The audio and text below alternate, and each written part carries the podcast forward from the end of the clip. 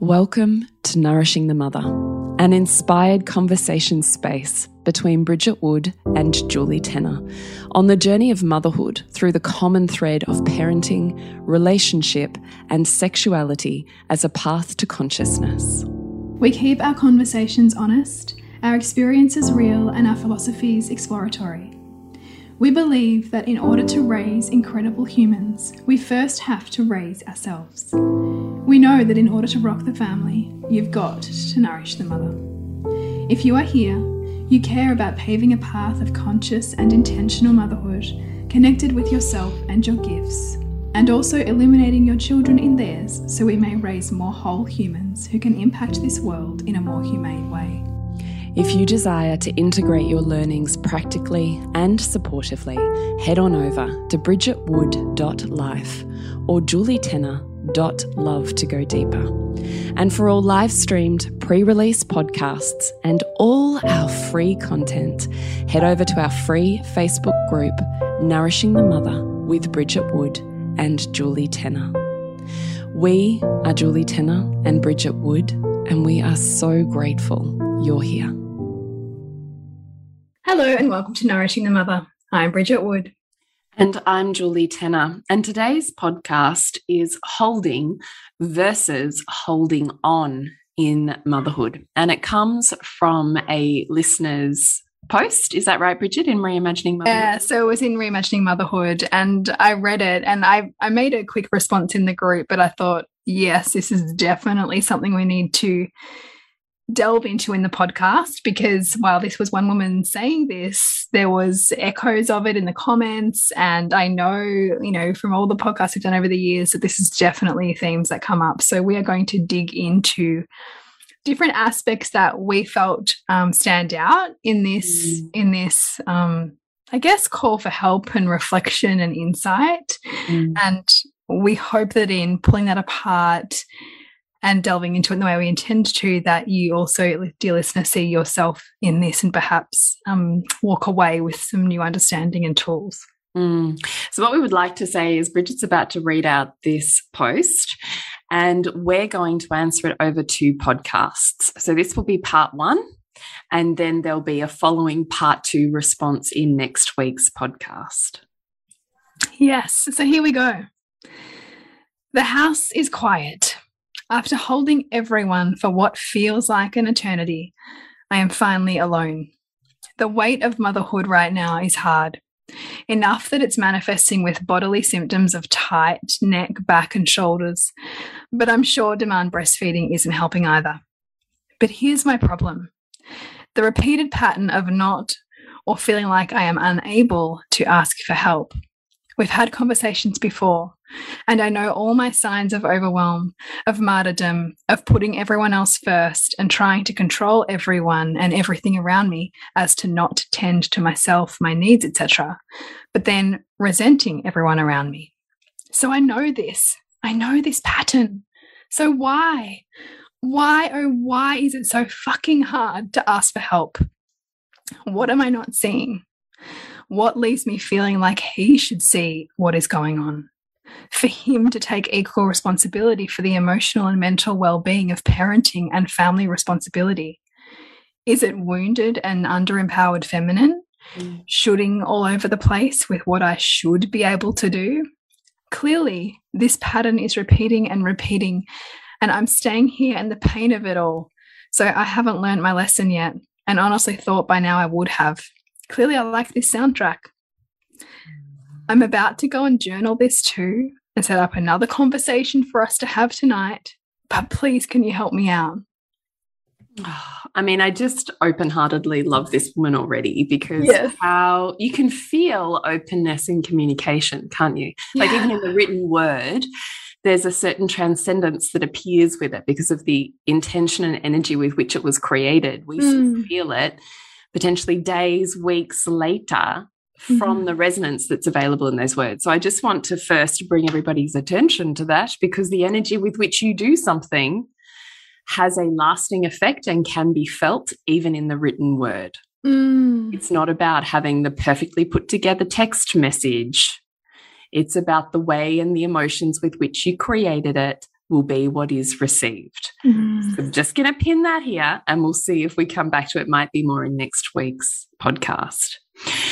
If you are willing, Bridgie, where I would like to start is when I read this, the very first thing that jumped out to me about this is, oh man, this is one of the things that I feel like gets really twisted up, particularly in the conscious field parenting, where we're working so freaking hard to hold space, to hold emotions, to be the rock for our children, to get all of the shit done, to maintain the house, the emotional equilibration, the children's milestones, the like all of the things, right? Mm. Like we might call it the mental load of motherhood.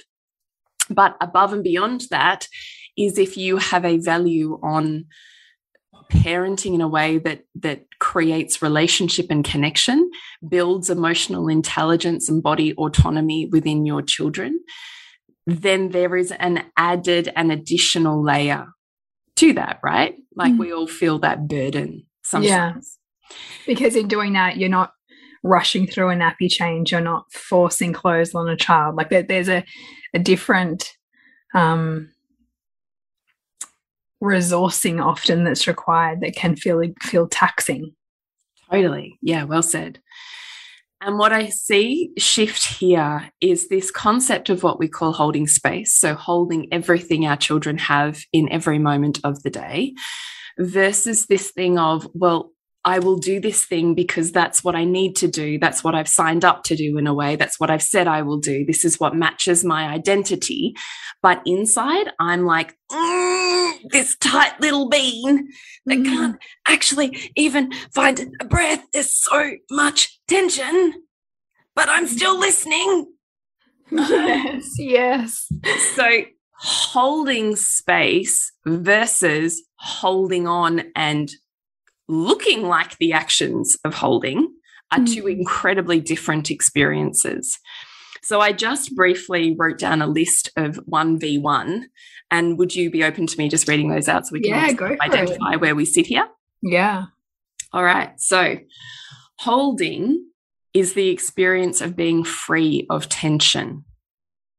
Holding on is the experience of you're full of tension holding has an open heart, an available heart for connection.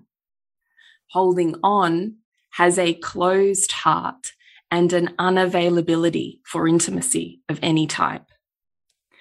Holding, you can feel yourself even while you are feeling someone else's experience. You still got a foot in your camp. Mm you still know where you're at, how you be, where your willingness is, how you are, what is going on for you, you can still feel yourself. You mm. are still connected to your truest self.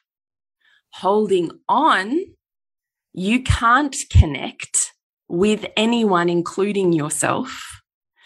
And in fact, you'll likely be avoiding yourself and connecting mm. with yourself and feeling yourself. And often we can use parenting and the this disaster and the this moment and the this blah, blah, blah as a way of being so busy, we don't have time to feel ourselves. Mm.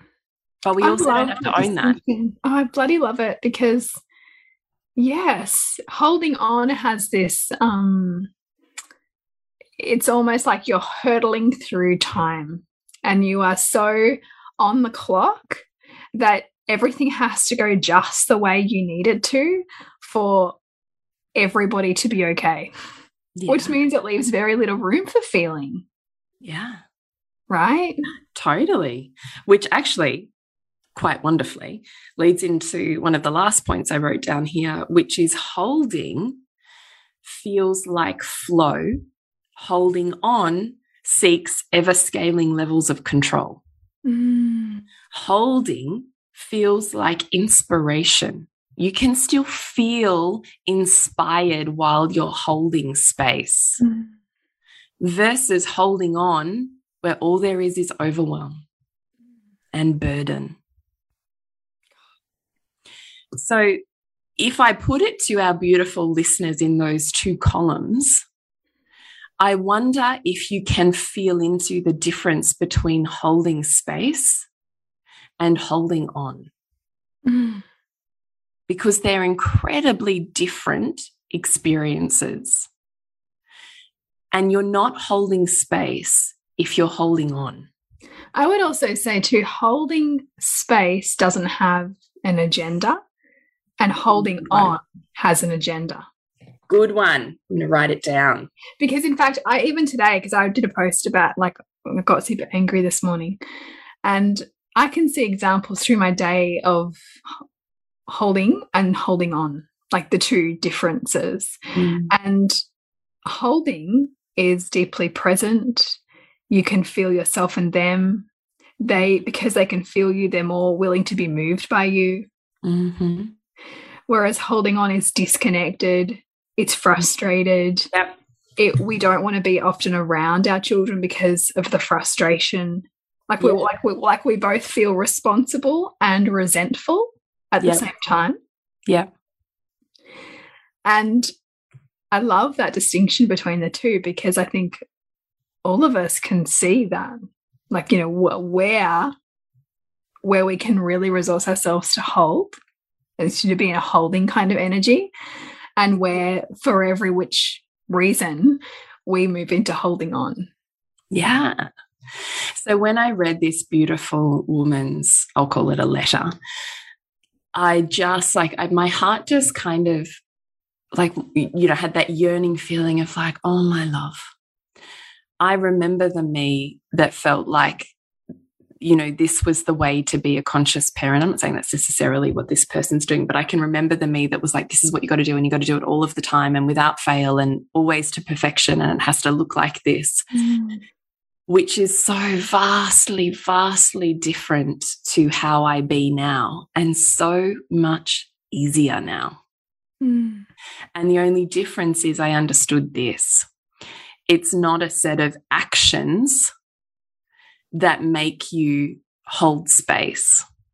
Mm -hmm. You know, that make you good at holding space, yes. that make you good yeah. at being available for this is terrible wording, but able to really be impactful in your child's experience. Mm. It's not about the actions. It's about how you're feeling internally.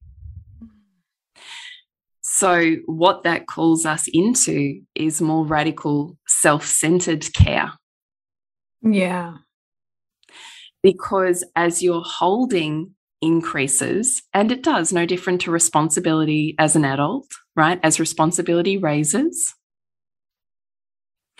same as as our holding capacity raises, we have to equally do better at raising our self care alongside it. Mm.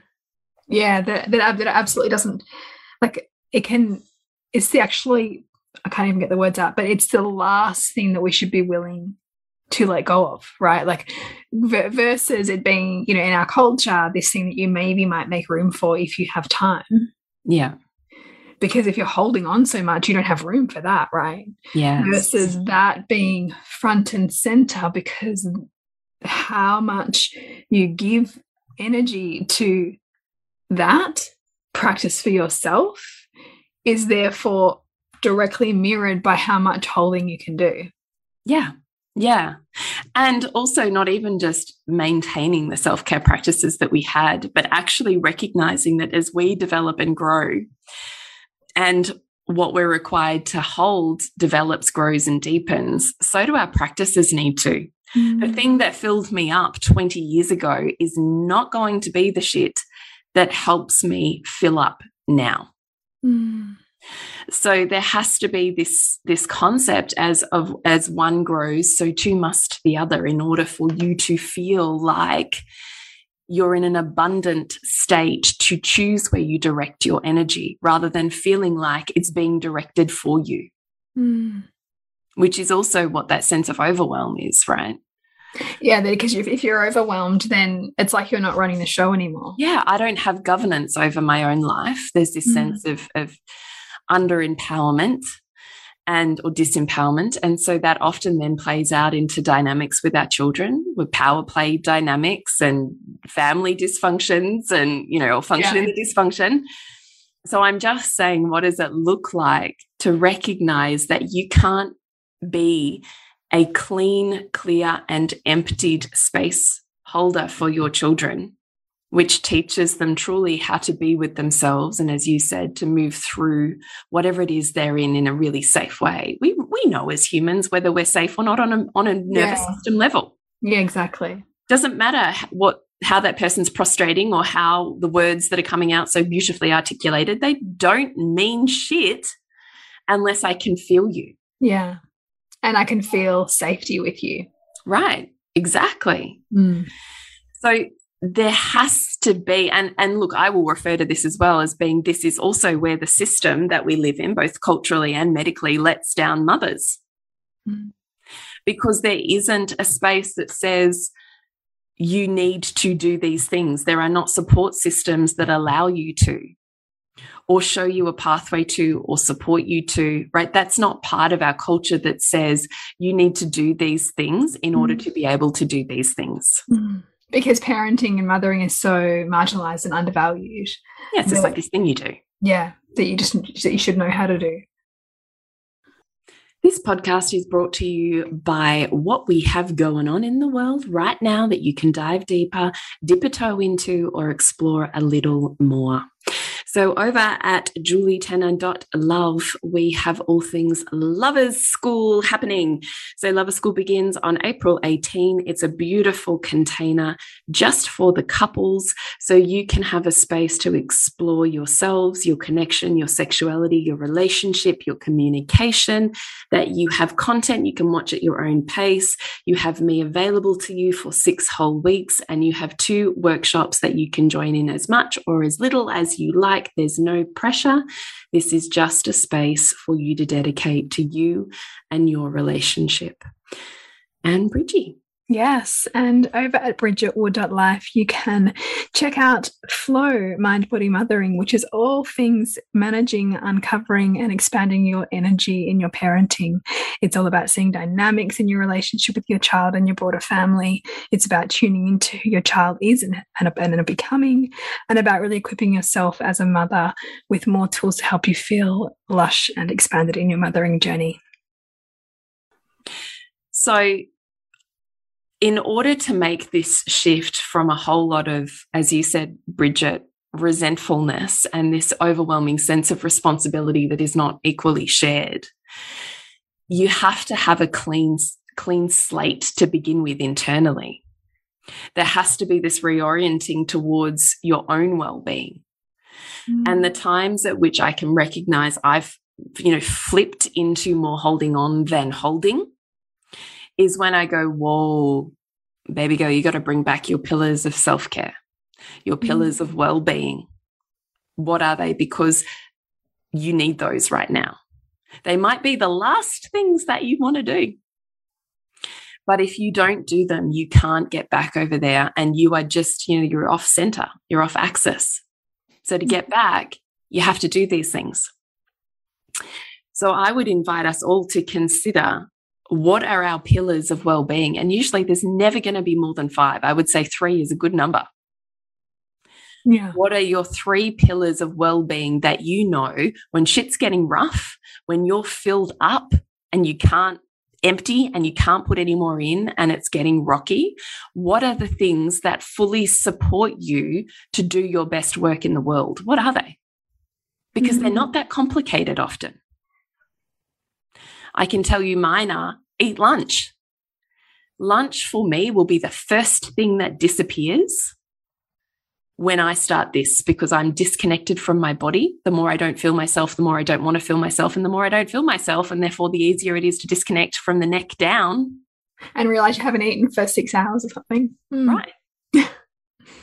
All day yeah. which sends me into a spiral of horrendousness and parenting and all sorts of like, it's not good. But that is the first thing that will go because I'm not even connected to my body. Mm.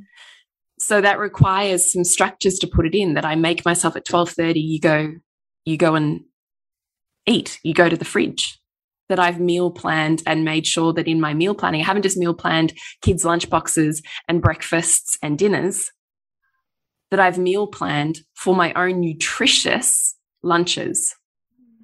So I'm not standing there going, oh God, what am I going to eat today? Oh, I don't know. Uh, I'll just grab the packet of two minute noodles. Mm. I'm standing there going, oh no, this is easy. It's already sorted. I've helped my, you know, previous me helped future me out. Thank you very much. Mm. So for me, having lunch is a pillar of well-being that I will always reorient towards having nutritious lunches. Because often as mums, you won't eat, or it'll be the scraps off your kid's toddler's plate. Mm or the floor. So for me, it's lunch, and for me, it's sleep. When I'm going through a period of transition, like now, or a period of change or overwhelm, my sleep requirement goes up substantially. I can no longer string my body out for longer periods at night. So I can't continue getting up early and staying up late. I can't do those two things when I'm running on empty. Mm. So it has to be I put myself to bed. Yeah, sleep's a massive one for me. Yeah, right. It's probably the biggest. And it has to be, don't forget, I've said this many times on this podcast, it's the naturopath. Don't forget two hours of, of for every hour pre midnight, it's worth two hours post midnight in restoration. Mm. So I always say to myself, get to bed at 8:30 at night and I wake up a different woman might only be yeah. two extra hours, right? As opposed to 10:30 or 11:30 at night, whatever it is that I might choose to go to bed otherwise. That 2 hours that I give myself at that end of the night makes such an enormous difference. It's like I've had an extra 4 hours of sleep. I will bounce mm. out of mm. bed the next morning. But if I don't go to bed by 8:30, I've already done myself a disservice. Mm. So when in these phases, lunch to bed at 8:30 for me and I need to drink more water. Mm. If I hydrate myself well, my brain has more activity, more availability. My cognitive brain can like enhance itself so I can be more present, so I can see wider, so I can think better, so I can ask the better questions, so I can navigate myself and my choices and my day and my children the best way that I can. Mm. 2% of dehydration has enormous impacts on your brain function drink more water. And I would say to you, power pack your water. I never just drink water. Like I'm, I'm mad, like, you know, have mad on like great water, but then add some stuff into it. Add some vitamin C, add some bioflavonoids, add some whatever you want to add into your water. You might as well power pack it magnesium, if you're drinking it anyway. Magnesium, since we're talking about sleep as well. Yeah, yeah. totes magnesium.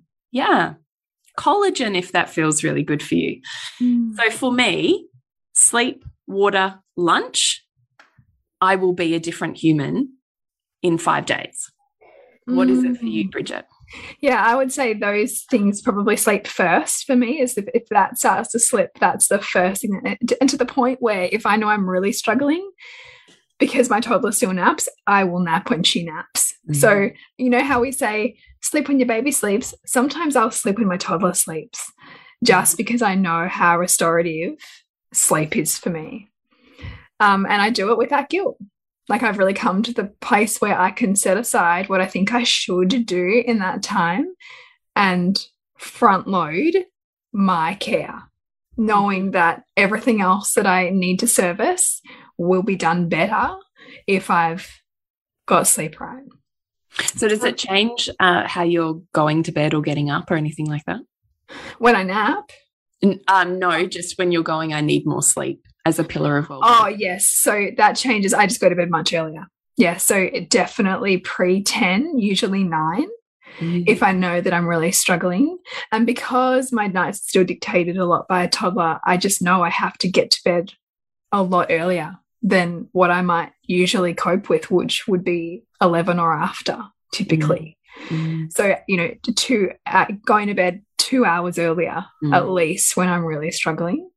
Um, the other one, definitely water. Also, I find really making ritual out of preparing for bed, when I'm struggling. So that'll be um, having like medicinal mushrooms before mm. bed, like reishi or something like that, so that it actually feels like I'm doing something really supportive mm. um, to kind of wind down mm. in a really conscious way. Um, I would also add definitely getting into my body. So for me, the thing that can go can be pleasure. I can forget that. And so then it's like, okay, how can I consciously reorient back into my body? How can I prioritize time with my husband? Mm. Um, how can I do the very thing that feels like I don't have time for? Mm. Because it's actually it's like it's like that um you know that old saying about you know meditate for an hour a day but if you don't have time then meditate for two hours. Mm. like it's a little bit like you know pack pleasure into your week but if you think you don't have time pack more in. Mm. so i would definitely prioritize that. And yeah food and water. And making sure that i'm having fun right? Like putting on the music to dance to, finding like the flexibility in my rigidity, um, bringing more play in, like anything that shakes me out of what feels like a funk. Mm. And so, like, movement and music and dancing are, are like really powerful things mm.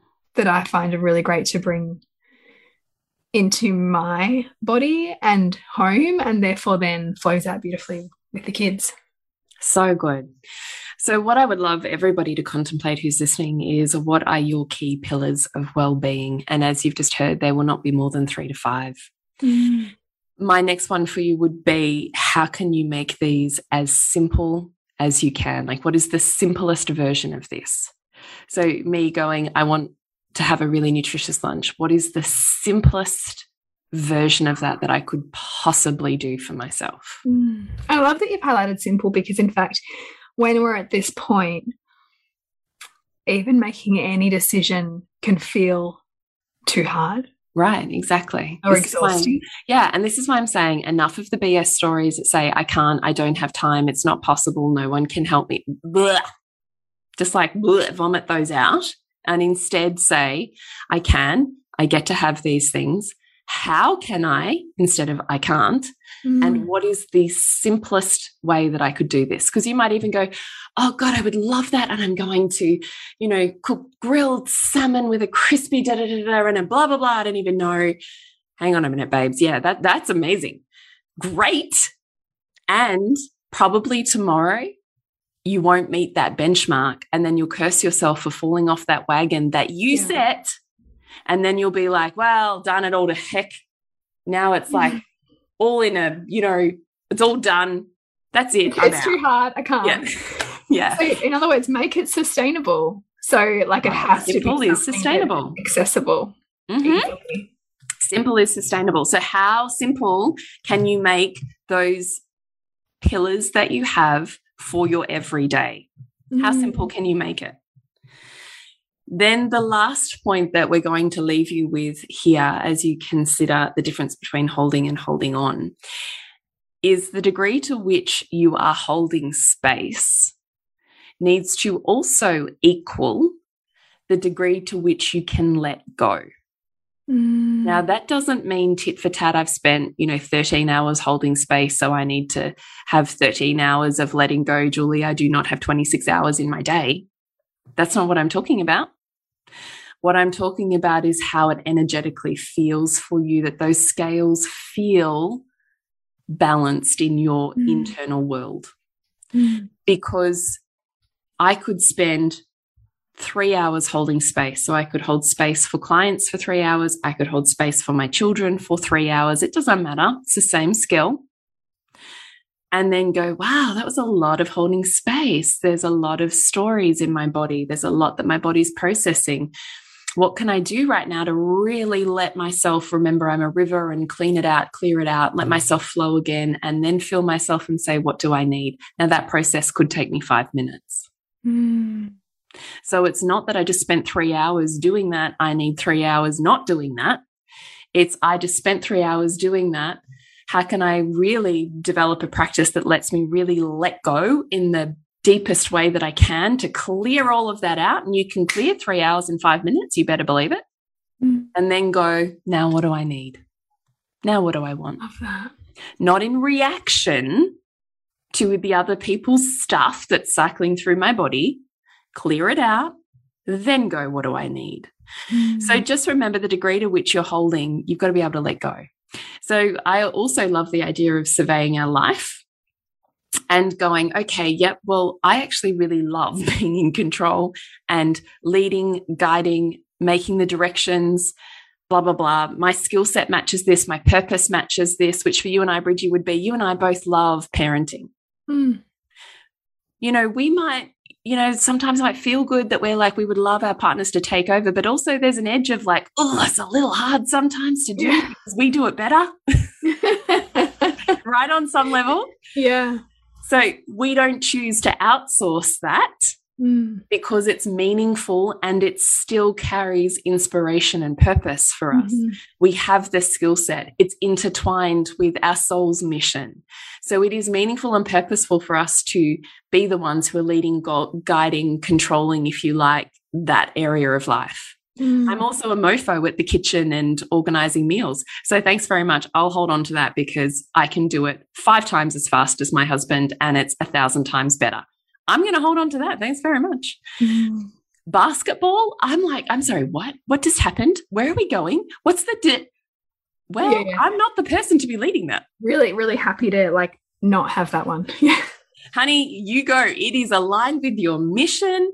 It is deeply meaningful and inspiring to you. You can remember stuff. You can execute stuff like a mofo, like I can over here in meal making. He can in kids basketball, great. Mm. Might sound nothing to you guys, but kids basketball in my life is every day. So it's like epic. So I'm like, awesome. You go do that. So survey your life. Where is it really deeply meaningful for you to be in control, to be leading, to be guiding? It's beautiful. And where is it not mm. meaningful and inspiring? And where would you rather be led? Where would you rather explore your red hot mess and love that chaos, love that expression, love that, you know, freedom? Mm. Like, how do you balance your life in a deeply meaningful way?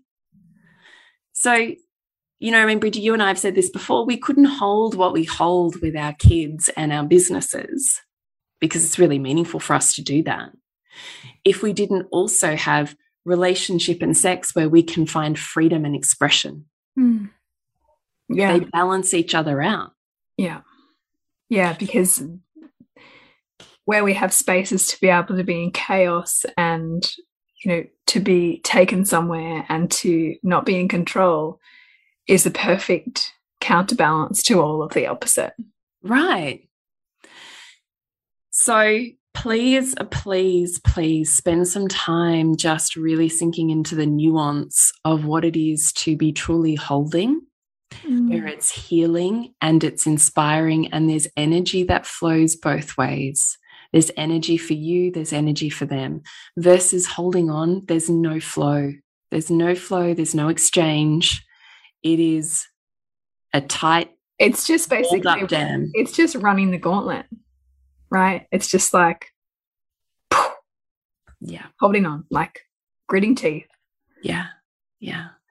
So please consider that it is entirely possible to parent with purpose, devotion, and consciousness, and that it can be free and fun and it doesn't have to look like hard fucking mm. work. And I would also say that if this feels overwhelming, that it might also be an invitation to look at what is in my life right now that if I really was honest with myself, I don't want it in my life right now. Mm. Sometimes there can be this sense of I need to do all of the things and be all of the places and, you know, give my child everything. But in attempting to do that, if you feel like you're constantly holding on, then maybe it's a season to pull back a little. Mm. Because if your child's not really thriving in it, and you feel like you're just surviving, then is it something that's actually nourishing for you both or for you all as a family? Totally. Totally. But it will require of you sometimes to look at, gosh, you know, what part of my identity is entangled in needing to do this thing or be that person or show up there in that space or be that way mm. and untangle perhaps that identity attachment to being that so that you can be really true to where your values really want to go. Yes. Yes. So, how can we dive deeper with you, Bridget? You can hop into Reimagining Motherhood, which is just a beautiful space for exploring all of these kinds of conversations and really beautiful coaching containers and group spaces and all of the beautiful things. So you can hop on and find out more about that at bridgetwood.life. And what's coming up for you, Jules?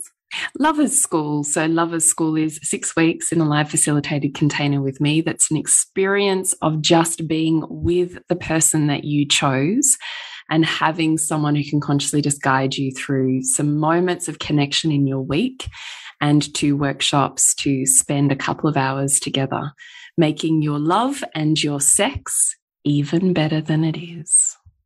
You can find out more at julietenner.love. And you can find out more from us at nourishingthemother.com.au.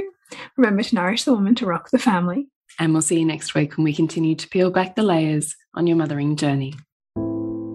Thank you so much for listening. We literally couldn't do this without you. Please share this podcast with anyone you think it would be medicine for.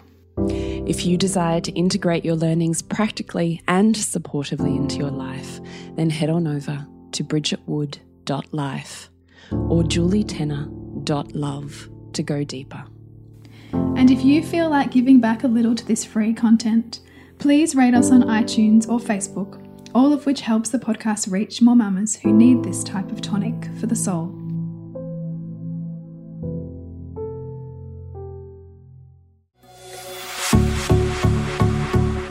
This has been a production of TheWellnessCouch.com. Check us out on Facebook and join in the conversation on Facebook.com forward slash The Wellness Couch.